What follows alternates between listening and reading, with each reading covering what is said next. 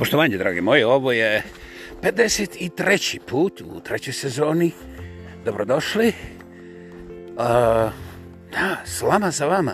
Samoproglašeni lingvistički aktivista, monumentalno utetiči, ja pa ja kao bi drugi, Vladimir Kreća sa prelijepih i legendarih stinovitih planina. Ovdje, ne mislim da planinama, nego ovdje ispod planina, zato što ovdje lakše, ovdje ima i čak da se popije toplog čaja. Uh, čaje, jaje, ok, kako kor poželi. Ovaj, nema pola metra snijega, ozbiljno.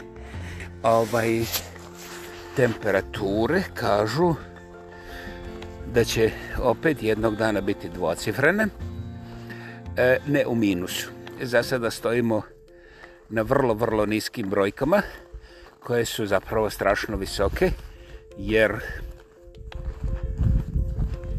Mart je bio prilično hladan, prosječna temperatura Marta ovdje u Kravogradu u hladovini je bila gotovo minus dvocifrena.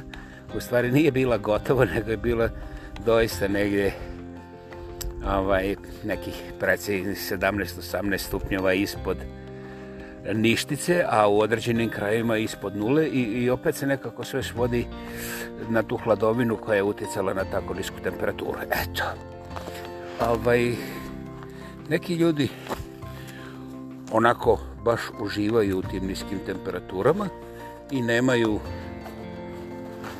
ništa protiv. I sad, lepeza je vrlo široka, međutim, iako ja vidim da, znaš, malo, malo po gradu, ovaj, ljudi budu kratkim ovim ovaj, nogavicama, kratkim rukavima. Nisam nikoga vidio u bikiniju, nisam vidio ni suncebran, ali vidio sam ljude, mislim, ono, imaju jednu krpicu na sebi, možda dvije. I, ovaj, i, i, i to mene šokira. Ja se, ovaj, iskreno govoreći, dvostruko smrznem od takvih na ulici nego od sebe samoga, jer šta bi ja uradio da vidim da se čovjek zaledi tu pred mojim očima? Evo, zamislite, ne znam. Međutim, to se nije desilo ni blizu toga. Ovi koji su, tako da izvineš, razgaćeni, oni izgledaju sretni, presretni. Oni pff, onako, jednostavno, kida plešu po toj hladnjevini, a nisu iz kimi, tetke mi. Ovaj, dakle, ja sam uzeo to pod bliži ovako pogled i razmatranje gdje ne želim otkriti ništa ali Boga mi vrlo jasno primjećujem da neki ljudi gotovo bez garderobe na minus 20, pa čak i na dublje, ovaj, ne da nemaju problema, nego uživaju. Pri tome, nazovite me rasistom, Bože moj, kako vas raspoloženje služi, Nijedan od tih ljudi nije imao ni, ni, ni bilo kakve naznake da bi sličio recimo nekakvom sjevernjaku, pogotovo ne Inuitu ili kako mi rasisti kažemo Eskimo. Dakle, obični ljudi isto kao ja, razumiješ, čak mu je trbuh veći od moga, kod jednoga gol na ulici. Dobro, ima jedan koji je mlađi od mene, mršavi što je nemoguće, ali je bio mršavi, nećemo sad u detalje. Isto, gol! Čovječ ima šorci i ovu t-shirt. Razumiješ? Ovaj, ja ne znam da li sam od njih preprošen ili im se divim. Čim otkrivo odmah ću tražiti od mog odvjetnika da to tuži, jer ovdje se za pare može tužiti Boga. Znaš, ono, kao fali mu 11. ova zapovjed. I ovaj, onda nađeš nekog vještaka, neku firmu koja dokaže da deset zapovjedi nije baš, mislim, demokratski a, ovaj, a suprostavlja se našoj isporuci dodatnog naoružanja za kontrast protiv ovih, ovih, ovih varvara sa istoka, jel? I onda nema problema. Čak i Međunarodni sud, koga inače mi ne priznajemo, odmah prihvata tu tužbu i idemo, ko plati taj, možda i otklati. Ehm. da, nije smiješno jer ja ne objašnjavam čistim jezikom, a još manje se zna na koga ciljam, pa onda ko bi se tome nasmijao. Pa nemojte se smijeti. Ja, na primjer, preporučam da razmotrite opciju da je ovo žalosno, jer u cijeloj priči ovaj, nema ni zdravog razuma, ni pravde. ovaj, vjerovatno je to ostavljeno za Marsovce kad dođu da im uvalimo, znaš ovaj, jer ova planeta je hm, već postigla određene maksimume na nekim poljima koja je teško primijeniti. e, idemo, idemo danas malo ovako lakšim tonovima i ja ću vas zamoliti da zajedno maštamo. Ovaj, svaka slučajnost je potpuno slučajna, a ovaj sličnost sa stvarnim događajima i ljudima je slučajna ako nije namjerna ovaj a šta to znači možda ne znači ali vrijedno je poslušati idemo ovako u ova naša demokratska vremena gdje je kao pojedinac stup društva znači to je ta jedna jedinka to se na primjer ja jeste ja sam jedan po jedan mislim dobro za sebe neki će reći da, da sam bezvredan, ali opet jedan. Isto tako vi ste ta jedinka i zar niste primijetili demokracija, sloboda, društvo počeva na našim demokracijama i slobodama. Znači, ako nije slobodna jedinka, to jest ja, i ne mogu da kokodačem, dobro, mogu i da kukurićem, ovaj, i da imam svoj podcast, onda to društvo nije slobodarsko i pošteno, mislim, hoće reći demokratsko i slobodno, jeli? Dakle, kako vi čujete ovaj podcast, onda je to dokaz da su demokracije i slobode ovdje gdje ja živim maksimalne do balčaka. Totalno. Dobro to što baš televizija ne prikazuje da jedno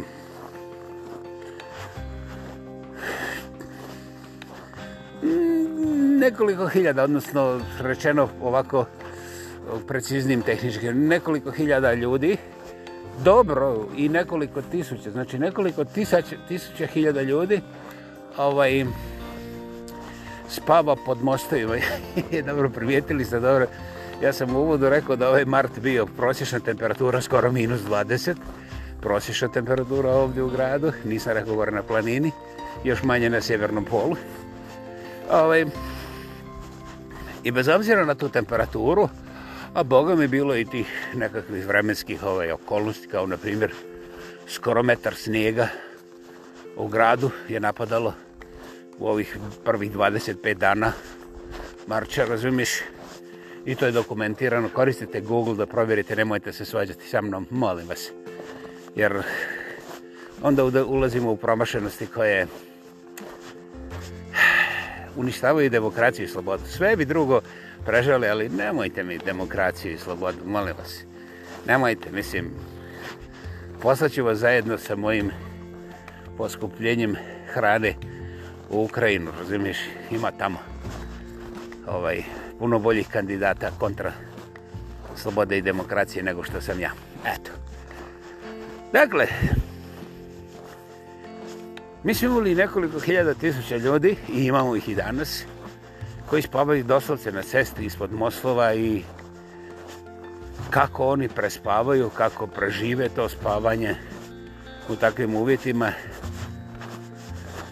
Ja definitivno nisam kompetentan čak ni da spekuliram jer malo čas sam također spomenuo one druge koje vidim na ulici. Da, da, svakog dana, svakog dana ove nekoga na ulici vidim polugolog, ali da budemo našte, nisu to samo starkelje kao ja, znaš, pa ono debeli pa se hlade. No, tu ima puno djece, curica i mladića, na isti način. E, ima puno ljudi u najboljim godinama, um, kako ženskih, tako muških. Mislim, nema razlike među polovima kada, kada dođemo do toga fenomena gologuzna minus 100, kurac, 100 stupnjeva Celzijusa, ovaj, to sam ti reći. Ovaj, kakvo je objašnjenje? Pa ja sam svih ovih godina ovaj, to buje, uvijek sam bio začuđen i ovaj, svaki put kad prođem pored njih, onako, jedva da dišem, zaboravim disati. I onda mislim da sam nekoliko puta ipak disao, pa sam se sjetio, kažem, dobar dan, oprostite, ovaj, neću vas pitati gdje se ovdje skreće za Čekrčiće, ali, jel može jedno pitanje, što čovjek kaže, jo, kaže, ja sam čitao Tolstoja prije jednu 30 godina, šta sad ovaj hoće? E, ja ga pitam onda, ovaj, ne prodajem garderobu, ali vrlo rado bih vam dao evo, ovaj kaput da se zaštitite čovjek zinu u mene šta sad ovaj hoće ja kažem, pa, stravišan lezer i tako dalje. I on gleda mene, začuje šta ja tu hoću od njega. A ja kažem, pa, pa evo da vam pomognem, da se ne smrznete. I u tom, priliku, u tom prilikom ja gledam ruku, kožu oko lakata i očekujem, znaš, ono, guspam se one, one ježeve i podignute ovaj, lakice. I čovjek izgleda kao da je ovaj, kao da se sunča negdje na ibici ono jednostavno nema ni jednog od tih goosebumps, nema ni jednog znaka dobro ne bih rekao smrzavanja, ali ekstremne hladnoće svakako. I naravno čovjek onda razumije i kaže, uff, ja sam to tako počeo slučajno, vidio od drugih na ulici, onda ja odlučio malo da izađem u šetnju, tako pola sata, sata. I meni se tu prekinuo film, Kasnije sam nastavio razgovor sa potpuno drugom osnovom i kažem pa ovaj, je li vi to izađete tako u sredanom pola sata, sat. Kaže, ne, ja sam tako od jutru se. ok, nisam provjeravao, nisam, nisam. Ovaj, ozbiljan čovjek s ozbiljnim odgovorom, vrlo jasnim. Za mene je previše pet minuta. Ovaj, kaže da je od jutra ovaj, tako gologuz na tako niskoj temperaturi. I šta ja sad tu mogu... ovaj, pa da, mogu lupati i ovaj, mogu se razlupati, ali moram da nastavim. Ovaj, eh, šta kažeš, zdravko Čolić, jeste produži dalje. Ja bih skratio sve to, ovaj, eh, ali eh, ljudi jednostavno ne stoje i dok se ja okrenem i smislim da li ću produžiti dalje ili ću, na primjer, skratiti, ti ljudi ispare, odlaze nekuda i... Da, redavita se svakodnevno pojavljuju na ulicama ka Kravograda i svaki put imaju moje čuđenje. Da li se ja njima divim? Pa sasvim je sigurno da se ne grozim. Sasvim je sigurno da sam počeo ozbiljno razmišljati, posebno imajući na umu molim vas, evo provjerite na YouTube, dakle, preporuka da provjerite na YouTube, Vim, Vim se piše kao Vim, Vim, onaj za pranje posuđe nekada u bivšoj raspadnutoj, što bi na engleskom se reklo V-I-M, Vim, to je prvo ime Hof, H-O-F-F, Hof. Wim Hof je jedan niskozemac koji je uh, teško zamisliv. Teško zamisliv u nekakvom racionalnom, znanstvenom kao pogledu sa strane. To je čovac koji je mrtav hladan, da da poprično hladan, bos i potpuno gol. Znači imao je samo šorc, trčao je maraton na sjevernom polu. Jeste, dobro ste čuli na temperaturi koja je na određene momente prelazila minus 42 stupnja Da, da, reći vam nešto prije toga Wim Hofa koji se pojavio prije 20 godina. Živi zdravi danas. Možete otići kod, njena, kod njega na akademiju da učite kako se to radi. Naime, nauka je tvrdila i naravno nikoga nije osigurao kad je trčao svoj prvi maraton na sjevernom polu. Bos. Bos znači bez čarapa. A cipele se ne pominju. Znači, znači koža, gola koža na, na ledu, ovaj, na temperaturi koja je bila na određenim momentima i preko četr, minus 40 Celsijuse. A ono sve što je prije toga pisalo u ovim medicinskim učbenicima za profesionalce, ne za ove Guinnessove rekorde i šta znam, ove, kako sa strane, nego najozbiljni domet ljudske znanosti, znači o termodinamici, biotermodinamici, pa onda organizmu, medicini i onda svim tim ostalim detaljima, su govorili vrlo jasno da preko sat direktno, preko sat vremena, znači 60 minuta izloženosti temperaturi dubljoj od minus 40 stupnjeva Celsijusih, a, vjerovatnoća da će čovjek doživjeti oštećenje organizma koja će biti fatalna, znači smrtonosna, je gotovo 100%. Znači u procesu svega toga određeni učbenici dozvoljavaju 3 do 5% fenomenoloških nejasno objašnjenih detalja koji uspiju preživjeti, ali, ali 100% garantirano čak i ako preživi sa velikim takozvanim frostbite-ima, znači promrzlotinama, gdje nije nikako iznenađenje ako čovjek izgubi ne samo jednu ruku, nego i cijelu nogu ili više tih tjelesnih dijelova koji su promrznuti, čak uši, nos, posebno uši i nos. Jer, eto, termički, čovjekov materijal, znači taj biološki materijal, koža, meso, kost, nema šanse 60 minuta na minus 40. Odnosno, ta šansa je teoretska i svodi se na fenomenoloških 3 do 5%.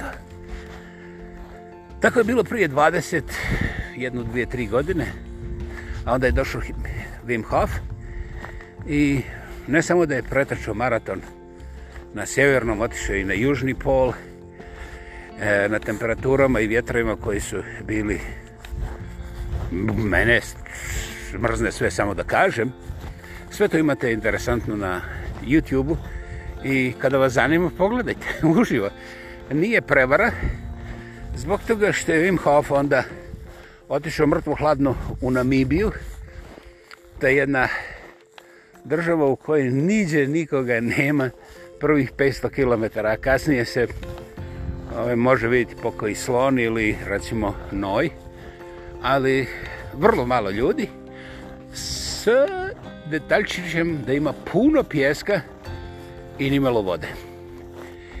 I onda je u toj Namibiji koja je vrlo visoka temperatura, znači prosječna temperatura je njegovog maratona u Namibiji bila 40 i 3 stupnja, znači nije trčao preko noći, trčao je usred dana, guess what?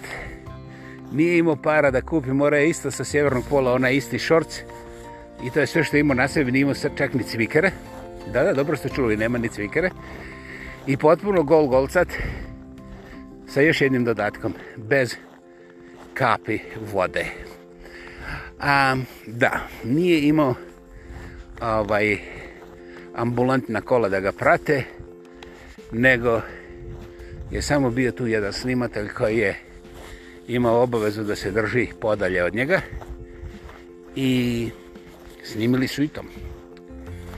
Šta sam ja sad rekao? Pa rekao sam opet što ona bio termolo, termodinamika, ovaj, biološka termodinamika, do toga momenta ne samo da nije poznavala, nego je svodila samo na teoretsku mogućnost, a to je da čovjek koji je izložen žarkom suncu usred pustinje na pjesku, gdje je pjesak u nekim elementima praskakao pozitivnih, pozitivnih, hazi braga, pozitivnih, i 50 stupnjeva, ne samo u hladu, jer hlada nema, nego je sve pjesak okolo, nema, nema, nema ni jedne jedine slamke, čak ni čačkalice da ima nekakvu sjenu. I ovaj je, On je bos trčao također i opet potpuno uspješno.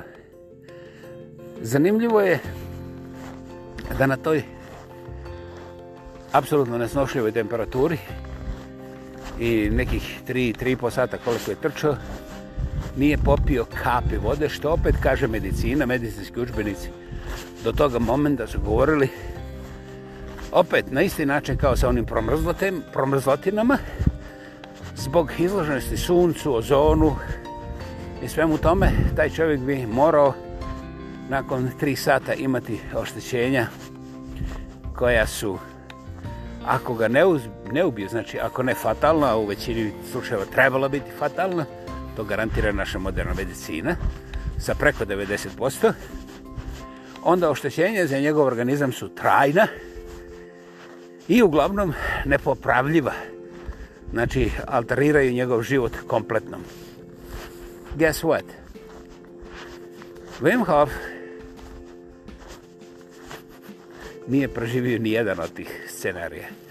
Da, između ostalog, onda je on otišao bos i u tim istim gaćicama, jer već čovjek nema novaca, da se pentra po Himalajajcima. Da, popeo se na Himalajajce, Jeste, to je najviše brdo malo podalje od Kravograda, ali ja znam gdje je to, ima na mojoj televiziji. I ovaj, opet tako golački i opet sa negativnim šansama da bilo šta dobro iz toga ispadne. I onda je on vratio se svoju kuću u Niskozemsku da malo predehne i ovaj, neki su čuli za to i onda su rekli da je on Znaš, ono, prevarant, manje, dobro, nisu mogli reći direktno, ali su rekli, hej, ako vi dođete u medicinski neki laboratorij koji je opremljen da mjeri sve, pa vam stavimo jedan, ovaj, jednu sondu u guzu, jednu pod bluzu, znaš, i onda, znaš, žicu u utišnicu i, znaš, sve to što radi je nauka znanstvena, a kaže, onda ćemo vidjeti.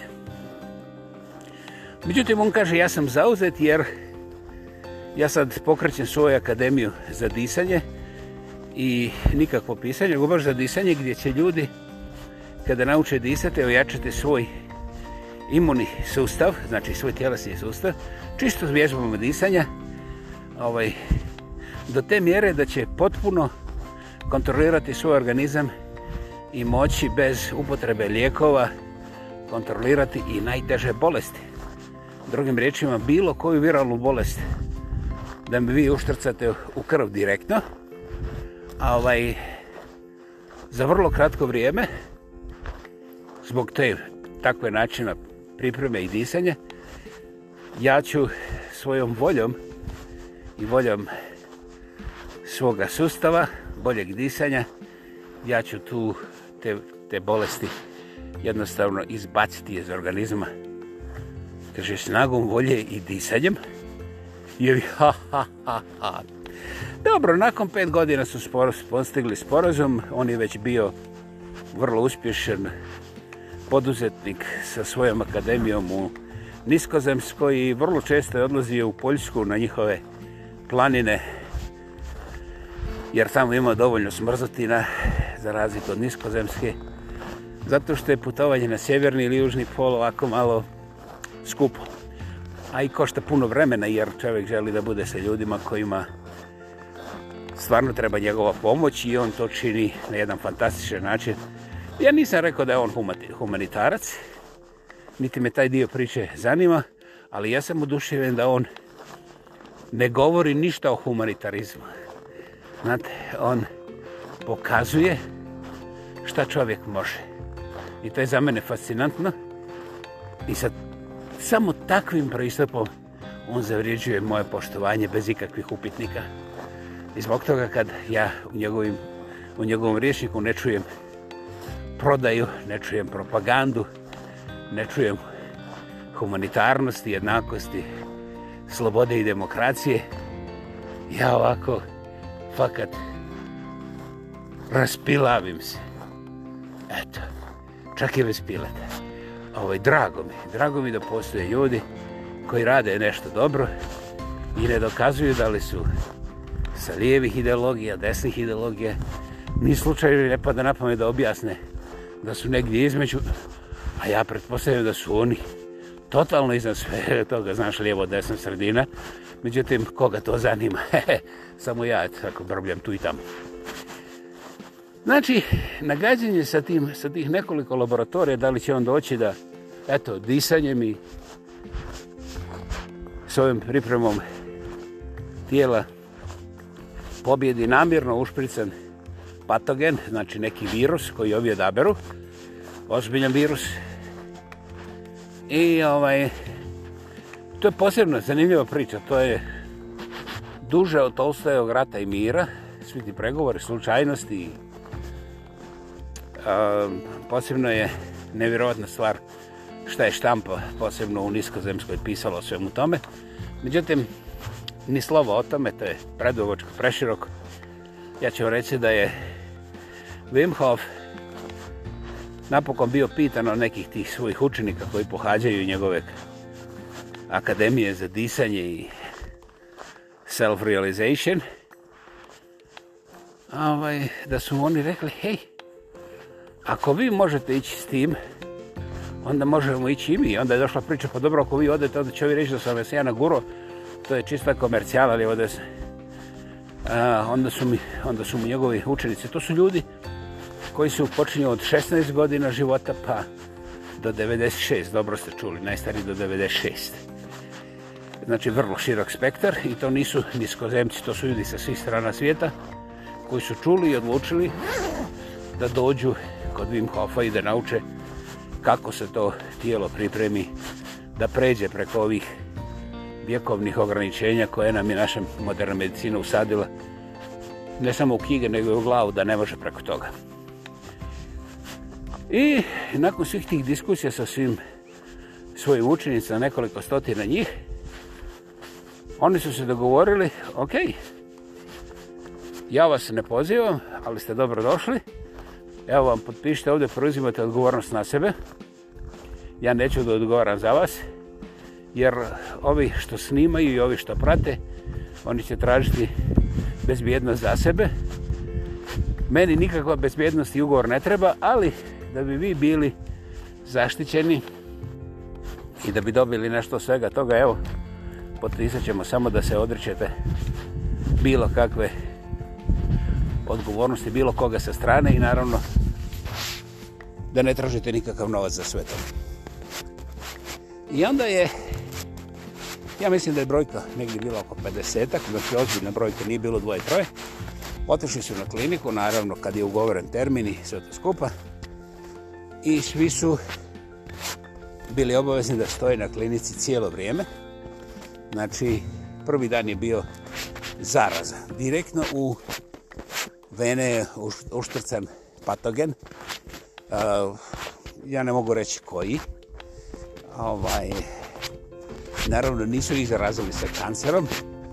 Ja mislim da je to bilo neka od ovih zaraznih bolesti koja izaziva visoku temperaturu odmah i nešto slično covid -u. međutim, ne znam, ne znam ime, protražite gore kad budete gledali, vidite. Prije svega liječnici su očekivali da će, pošto su patogen ubrisali direktno u krv svih tih 50-ak ljudi, oni su očekivali da će ti ljudi e, dobiti vrlo, vrlo žestoke reakcije već nakon sat, dva, a da će u prvih šest sati već imati barem 10% njih u vrlo hitnim ovaj, situacijama gdje će morati imati nekoliko timova da te ljude spašavaju. Jer e, prirodno u toj koncentraciji taj virus može čak i da ubije. Ali kada se ubrizga ravno u krv, onda postaje životno opasan iz masu razloga, a ja, pošto nisam medicinar, ne dolazi u obzir da objašnjam dalje. Uglavnom, očekivalo se strašno puno hitne službe već u prvih šest sati. Međutim, ovi su pratili cijelo vrijeme sve to, svih 50 ljudi, I ovaj, u tih prvih šest sati otkrili su samo da se temperatura u nekoliko slučajeva podigla iznad normale, ali da je sve izgledalo potpuno normalno. Da ljudi nisu imali nikakvih e, onako vidljivih problema. I tu se onda pojavila problem. Oni su morali da provjeraju patogen, da prekinu sve to i da to onda podlože ponovo. Umeđu vremenu su utvrdili da sa patogenom nema nikakvih problema i da je to bila njihova reakcija i onda su zadržali ljude. Bilo je planirano desetak dana, ali već nakon trećeg dana je bilo jasno da niko od njih nema ostataka toga patogena u organizmu. Svi su bili uredno zaraženi. Hvala, hvala lepo. Hvala vama. I ovaj, oni su primijetili nešto što je opet u medicinskim učbenicima gotovo nemoguće, a to je da u takvoj koncentraciji taj ubrzani patogen ostaje u organizmu bez obzira na to kako je njegova pojavnost i efikasnost u ljudskom životu ponekad razornija, ponekad manja u realnom životu, ali taj patogen ostaje minimum desetak dana u krvi, jasno vidljiv sa tom bazičnom provjerom stanja krvi. Wow! Nakon tri dana niko od tih ljudi nije imao ni tragove toga patogena u svojoj krvi. I ovaj, ekipa je zaključila, liječnici koji su uvodili cijeli eksperiment, oni su zaključili da proglase tih 50-ak ljudi potpuno zdravim, da nema potrebe da to čuče stoje glede. I zaključili su eksperiment koji je promijenio medicinske knjige. Naravno, otvorio se potpuno novi front, to je početak 2000. Ne 2000. godine, početak 21. stoljeća, ja nisam siguran da li 2005., 6., 7., 11., tu negdje, to nije bitno, pogledajte, naći da sve gore. Ali od tog momenta počinju da se miješaju, mijenjaju i medicinski učbenici po pitanju razumijevanja našeg imunovog sustava, kako radi, a biološke termodinamike i onda normalno cijela enciklopedija svih ostalih znanja, znanosti, tehnika i metoda.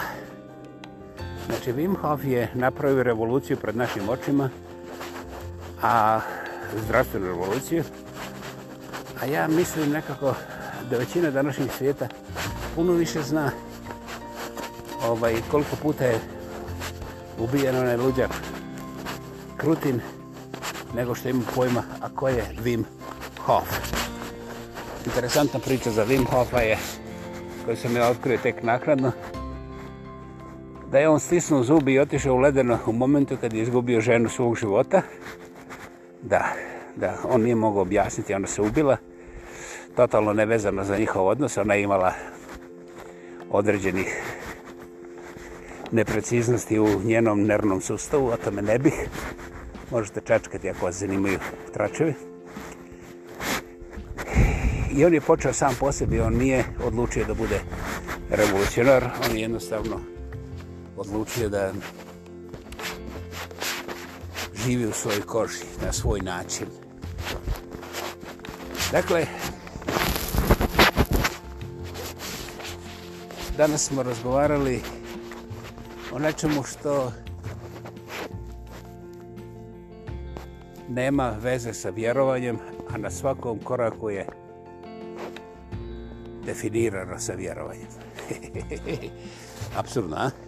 ovaj, ja bih zamolio da pogledate YouTube, jer to je najbrži način, naj, eh, najkonkretniji, zato što je knjigama teško povjerovati kada kaže ovaj, eto, puše jak vjetar, preko 60 km na sat, gol čovjek u, u, samo u gaćicama sportskim, bez ičeg drugog, potpuno bol strči na minus 42 između pingvina. Pingvini se u stvari sklonili, nema ih i preživio i nema nikakvih posljedica po zdravlju.